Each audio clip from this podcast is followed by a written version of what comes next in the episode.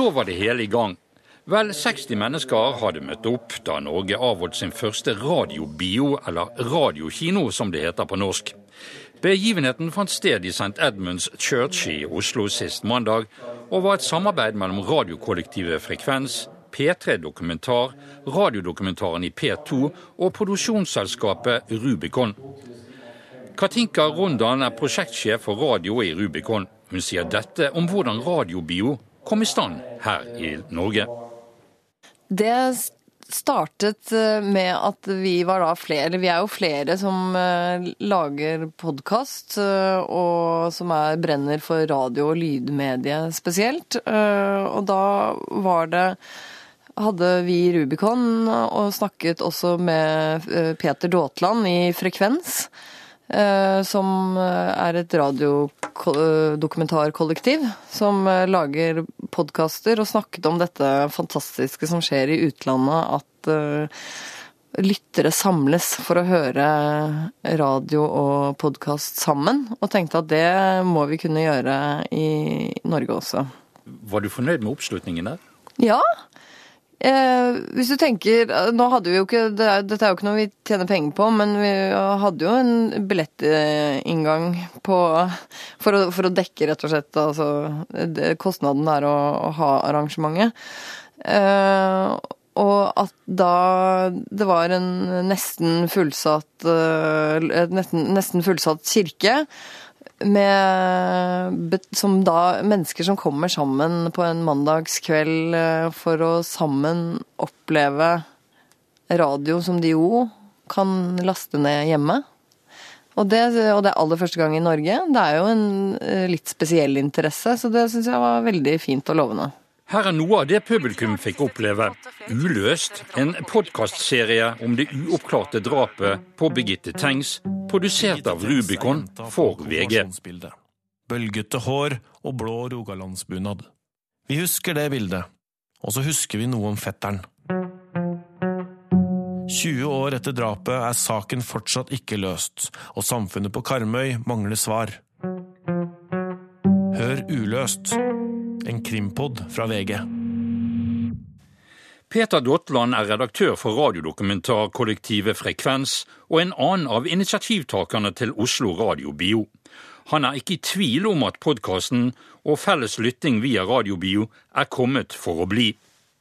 Du, det tror jeg, og jeg skal forklare deg hvorfor.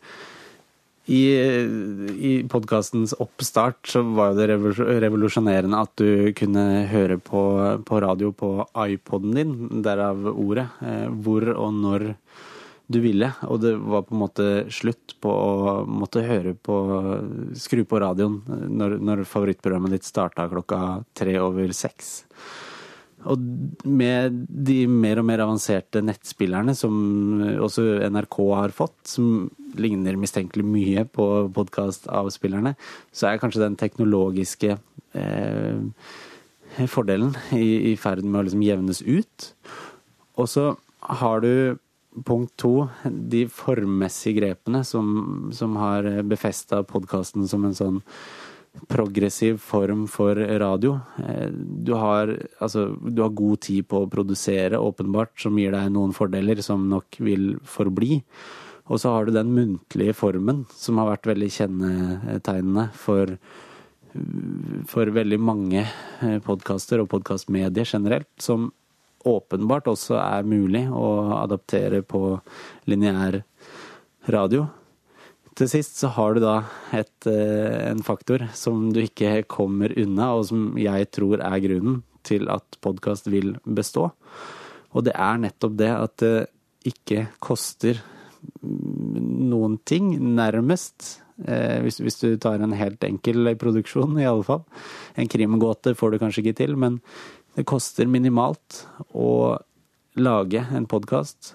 Du trenger ingen FM- eller DAB-sender. Eh, du trenger i grunnen ikke et studio. Du kan slenge deg under dyna eller i et eh, skap på hotellrommet ditt. hvis, du, hvis, du, hvis du er så privilegert. Og hvem som helst eh, kan gjøre det. Og ja, det tror jeg er grunnen til at eh, podkast vil bestå. Samtidig som vi forhåpentligvis, som i Sverige, kommer til å se at firmaer eh, som ja, har potensial til å liksom spytte inn penger til de som er kommersielle og, og drevet av annonser, eh, vil liksom innse hvor vakkert og intimt og hvor direkte dette mediet er. Og da vil det åpenbart også bli en mer vital eh, økonomi i det, som er viktig for, for mange. Du, du, du, nevnte i stedet at uh, denne måten å, å, å, høre radio sammen, uh, den var blitt en stor suksess i både Danmark og, og Sverige.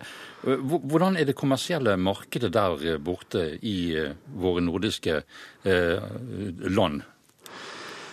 I, i, Sverige, som ligger eh, jeg vil si kanskje fem år eh, foran oss, der er det podkaster på hvert eh, hushjørne, nærmest. Det er flest podkaster per innbygger i hele verden. Der har du for eksempel Philip og Fredrik, en, en svær podkast som kanskje er ekstremen av utviklingen der borte, som starta på svensk, som gikk over til engelsk, og parallelt med sin podkast har kjørt eh, liveshow eh, hele veien. Og nå er de rundt i USA blant annet og, og har svære show som selvfølgelig er, er ren underholdning, da. Men um, den, den, er sterk i, i, i Sverige. This is the Philip and Fredrik podcast coming to you from Stockholm and once more My compadre Philip is in Los Angeles, where he probably belongs after seven years across the pond. Well, here I am. Yeah, I, I just got back, so I haven't really started feeling as if I'm back. But it's it's nice.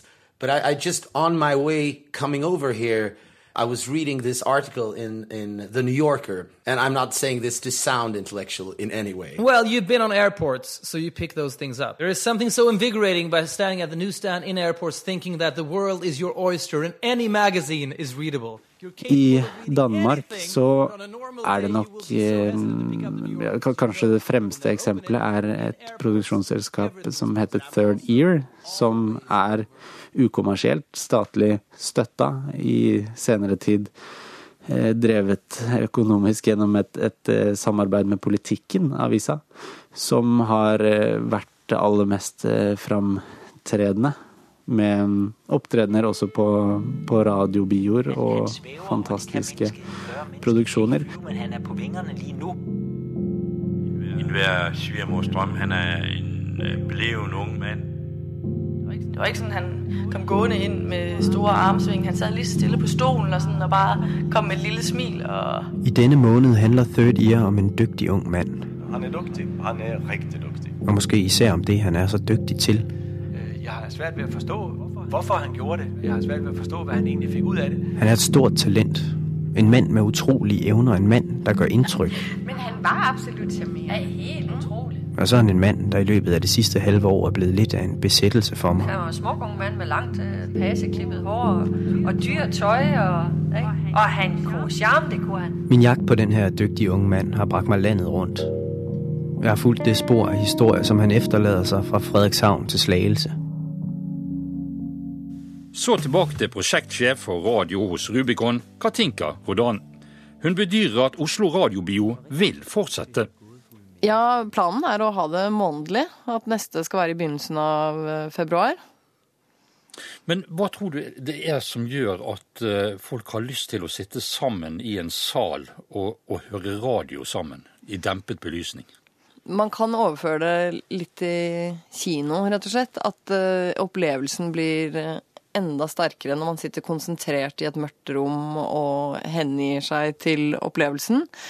Eh, det er hyggelig å gjøre det, gå sammen med noen når man deler en interesse om, en, eh, om enten en spesiell podkast man liker, eller den opplevelsen podkaster gir.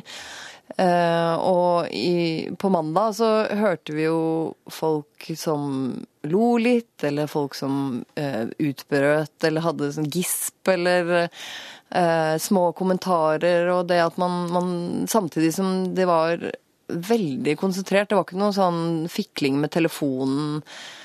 Eh, og det, det, gir jo en helt spesiell opplevelse å gjøre det sammen, da. Jeg tenker jo at ofte når man sitter hjemme og enten du hører på radio eller ser på en serie, eller så gjør man jo gjerne flere andre ting samtidig. Sjekker telefonen eller Og da, da blir jo ikke opplevelsen like sterk. Fikk du tilbakemeldinger eh, etter dere hadde eh, gjort dette? Fra publikum? Ja, det var eh, en det var noen som var litt sånn wow og for en fin opplevelse. Og så var det en del som rett og slett hadde spørsmål om podkasten og lurte på ting og sånn. Så det var jo veldig fint. Og her er reaksjonene fra tre publikummere vi traff på etter radiobioen på mandag. Jeg syns det var uh, veldig hyggelig at man ikke satt og så på noe, faktisk. Uh, det gjorde ikke noe, jeg tenkte ikke over det, at jeg ikke så. jeg syns det var hyggelig. Så jeg fikk bare høre om dette av noen uh, venner, og så dro vi hit. Så jeg aldri vet lite om podkast, og ikke hørt så mye særlig på det før. Jeg syns det var en spennende opplevelse. Det var, det var en helt annen stemning i, i rommet. Du fikk på en måte ta del i, i, i selve radioopplevelsen på en helt annen måte? Jeg syns det funker veldig bra. Når en holder på å høre alene, så blir en jo fort distrahert med et eller annet og får ikke med seg. Men eh, nå var en i hvert fall ble veldig fokusert og lytta til alle detaljene. Og bare ble veldig imponert over ja, det vi hørte i dag. Eh, tenk deg nå at politiet har hengende nede på politistasjonen en nøkkel som åpner døren inn til ditt hus. Ville det gjort deg litt bekymret?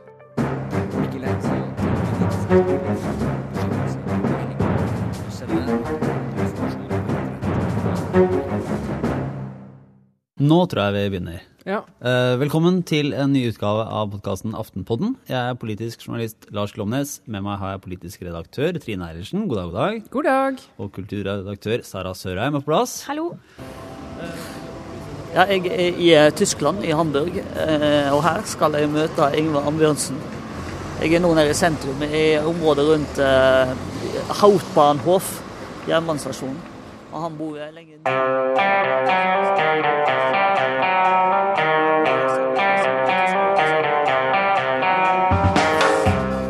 Ikke visste jeg at alle dagene som kom og gikk, de var eh, selve uke 49, og jeg føler at uh, julekvelden er i ferd å å komme på oss som julenissen på kjerringa, Fridtjof Jacobsen. Ja. Ja, eh, deg om det, sier jeg. Eh, jeg våknet i dag morges, og det var eh, mørkt. Eh, øsregn. og Si, vi får en litt sånn uh, rar start på dagens uh, eh, podkast, for plutselig har vi dårlig tid, Espen. Ja. ja, er det podkast nå? Nå er det podkast. Atle? Nå er det Atle og Johan, Johan Goldner. Ja, Johan, Johan, har vært med en gang før. Ja. Jeg bare sier at vi er... han, han, får ikke lov til å si så mye, han er det? Uh, nei, vi kan jo ikke stoppe Jeg bare si det. Vi er nå hjemme hos meg. Vi skulle egentlig gjøre noe helt annet, og så plutselig så ringer telefonen. Uh, og så er det Atle. Klokka er altså fem over Mange satser nå på podkast, som vi hørte noen utdrag fra. Det gjelder både mediehuset og forlagshus, som Morgenbladet, Aftenposten, Bokpodden, VGs Jæver og Joffen og alt du sier er feil, Espen fra Dagbladet. Prosjektsjef for radio hos Rubicon, Katinka Rondan, sier interessen for podkast er både stor og økende.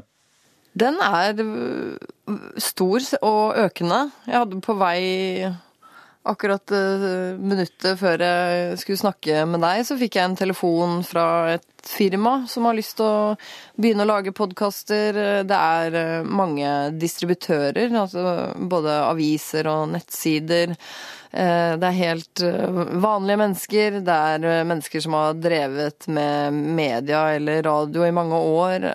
Og det er jo en, er jo en frihet og Uh, umiddelbarhet som ligger i det å lage podkast. At du kan få det ut med en gang, at du kan få ut ideen din med en gang. Så den er jo Vi må jo kunne si at 2015 var eh, året podkast uh, slo bredt i Norge. Nå har jo dere eh, produsert eh, den såkalte Uløst-serien for, eh, for VG. Um, og det var jo en av de som ble sendt på, på det, dette første biokinoarrangementet. Um, og den har jo fått en enorm oppslutning ute. Hva, hva, hva, hva sier det? Ja, det, er, det er veldig lovende, syns jeg. Det sier at uh, menneske... Det, sier at uh, nordmenn ønsker innhold som de kan velge selv. For det er jo på en måte det podkast er, at man går aktivt inn og velger noe selv. Og det sier at uh, nordmenn ønsker uh, godt innhold produsert på en på en god måte. Altså det, det vi gjør i Uløst, er jo å fortelle en viktig historie. Hittil i Norge så har jo mange laget veldig gode Eh, men det er veldig mange podkaster som rett og slett er eh, mennesker som sitter i studio og snakker sammen. Også en del mediehus lager journalister som, som, snakker sammen, og det er også veldig interessant. Men dette er jo også en Det som skiller seg litt fra det som er lagd tidligere i Norge, er jo at det er en historie fortalt for uh, uh, uten altså gjennomarbeida dokumentarisk, uh, og så har den jo et spenningselement, som jo er uh, suggerende, da. At vi hadde jo de, de, to første episodene, de la vi ut natt til torsdag, sånn at man kunne få de uh, på mobilen på vei til jobb, da, at det lå klart, fordi vi vet det er en del som hører på podkast på vei til jobb. Og så var det et par ting som skjedde, at vi må, for vi lager det jo underveis, så vi måtte snu litt om, og vi fikk inn en kilde i siste liten og sånn, sånn at uh, tredje episode kom ut litt senere på dagen, på torsdag. da. De kommer jo alltid ut på torsdager, så det svikter vi jo ikke. Uh, og da kom det jo telefoner og e-poster til VG og til vi som jobbet med det, fra både folk vi kjente og ikke kjente, som lurte på hvor det ble av tredje episoden. Så det tenker jeg at det, det som har skjedd med Ulyst, er jo den derre serieavhengigheten, eh, som man jo kan se på noen TV-serier også, da. Altså den muligheten har man jo også i podkast, som er litt spesielt fordi det også går rett inn i øret, eh, du aktivt velger det. Eh, du, har et mer personlig forhold til det på en måte, da, som, som, ja, som jeg tror har vært noe av det. da. Og Det er den individuelle delen av det. Men når det gjelder den kollektive opplevelsen, vil f.eks. en serie som Uløst egne seg for, for, for si, lytting av flere på en gang? Ja, eh, og det, eh, det merket vi jo på mandag, at det, det fungerte. Man fikk en litt forsterket følelse. Nå var det jo litt, altså noe, eh, litt spesielt på mandag også at vi jo var i en kirke.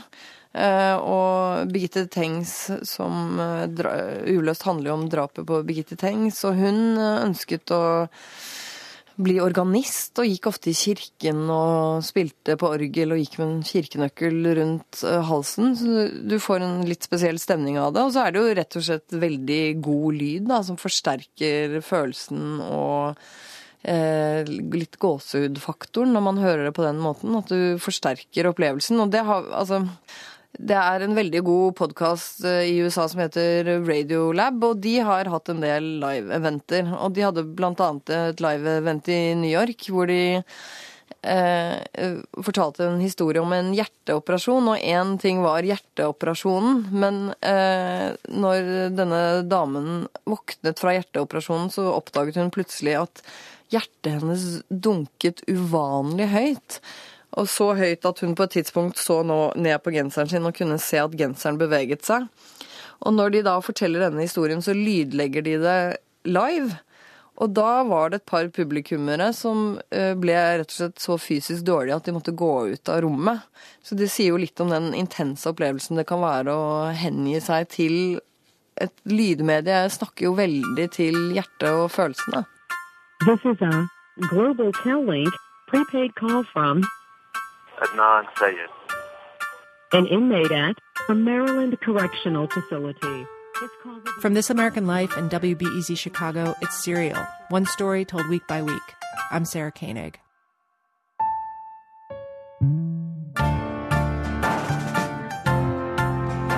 For the last year, I've spent every working day trying to figure out where a high school kid was for an hour after school one day in 1999.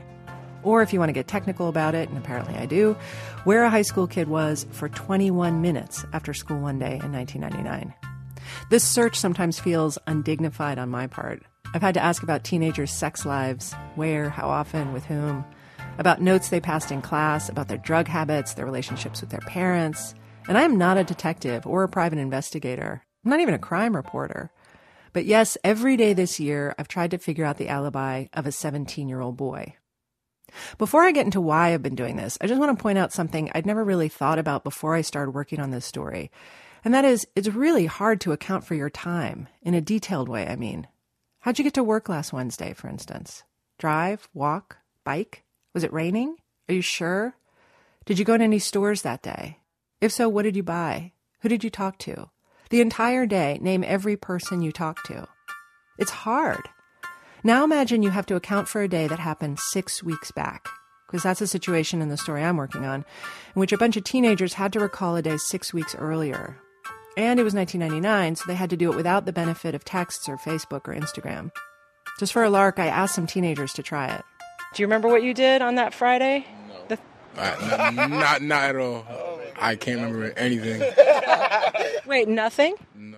Den amerikanske podkastserien Serial, som vi hørte et utdrag fra her, er en av grunnene til at podkast tok av, mener redaktør Peter Daatland i radiodokumentarkollektivet Frekvens. Det er en ganske tydelig utvikling fra da Serial, eh, denne amerikanske krimpodkasten, gikk eh, i fjor høst. Eh, og så, så, gikk det et par måneder, og så eksploderte alt. Så man kan vel liksom tydelig henvise til det. Etter hvert så mistenker jeg at det også litt har blitt en sånn motegreie. Du, det der podkastgreiene, det, det, det, er noe vi må, må henge med på. Men alt i alt så er det et uh, fantastisk uh, medium. Det er en, en liten fornyelse av det radiomediet vi kjenner. Hvilke historier er det bak dette fenomenet? Jo, personlig så fikk jeg en skikkelig øyeåpner da jeg var i København på en dokumentarfilmfestival og oppdaga noe på programmet som het Radiobiograf. Og da oppsøkte jeg dette, kom dit, og det var smekkfullt. Kjempepopulært. Jeg visste ikke helt hva dette gikk ut på, og fikk trygla meg inn og fikk sitte i krøka sammen i en, i en krok. Og ble, ble slått av hvor utrolig fint og enkelt og vakkert for en sånn radioelsker som meg, det var å sitte i en mørk kinosal og bare høre på radio. Der har jeg henta konseptet fra, og så har vi adaptert, videreutvikla det litt. Men det å samles for å høre på radio, kan man nok si stammer fra en svær festival i Chicago som heter Third Coast eh, International Audio Festival. Hvor man da fikk ideen om at skal vi ikke bare samles og så, så høre på, på, radio? Og videre så har det utvikla seg konsepter gjennom hele Europa, egentlig, av ulik sort.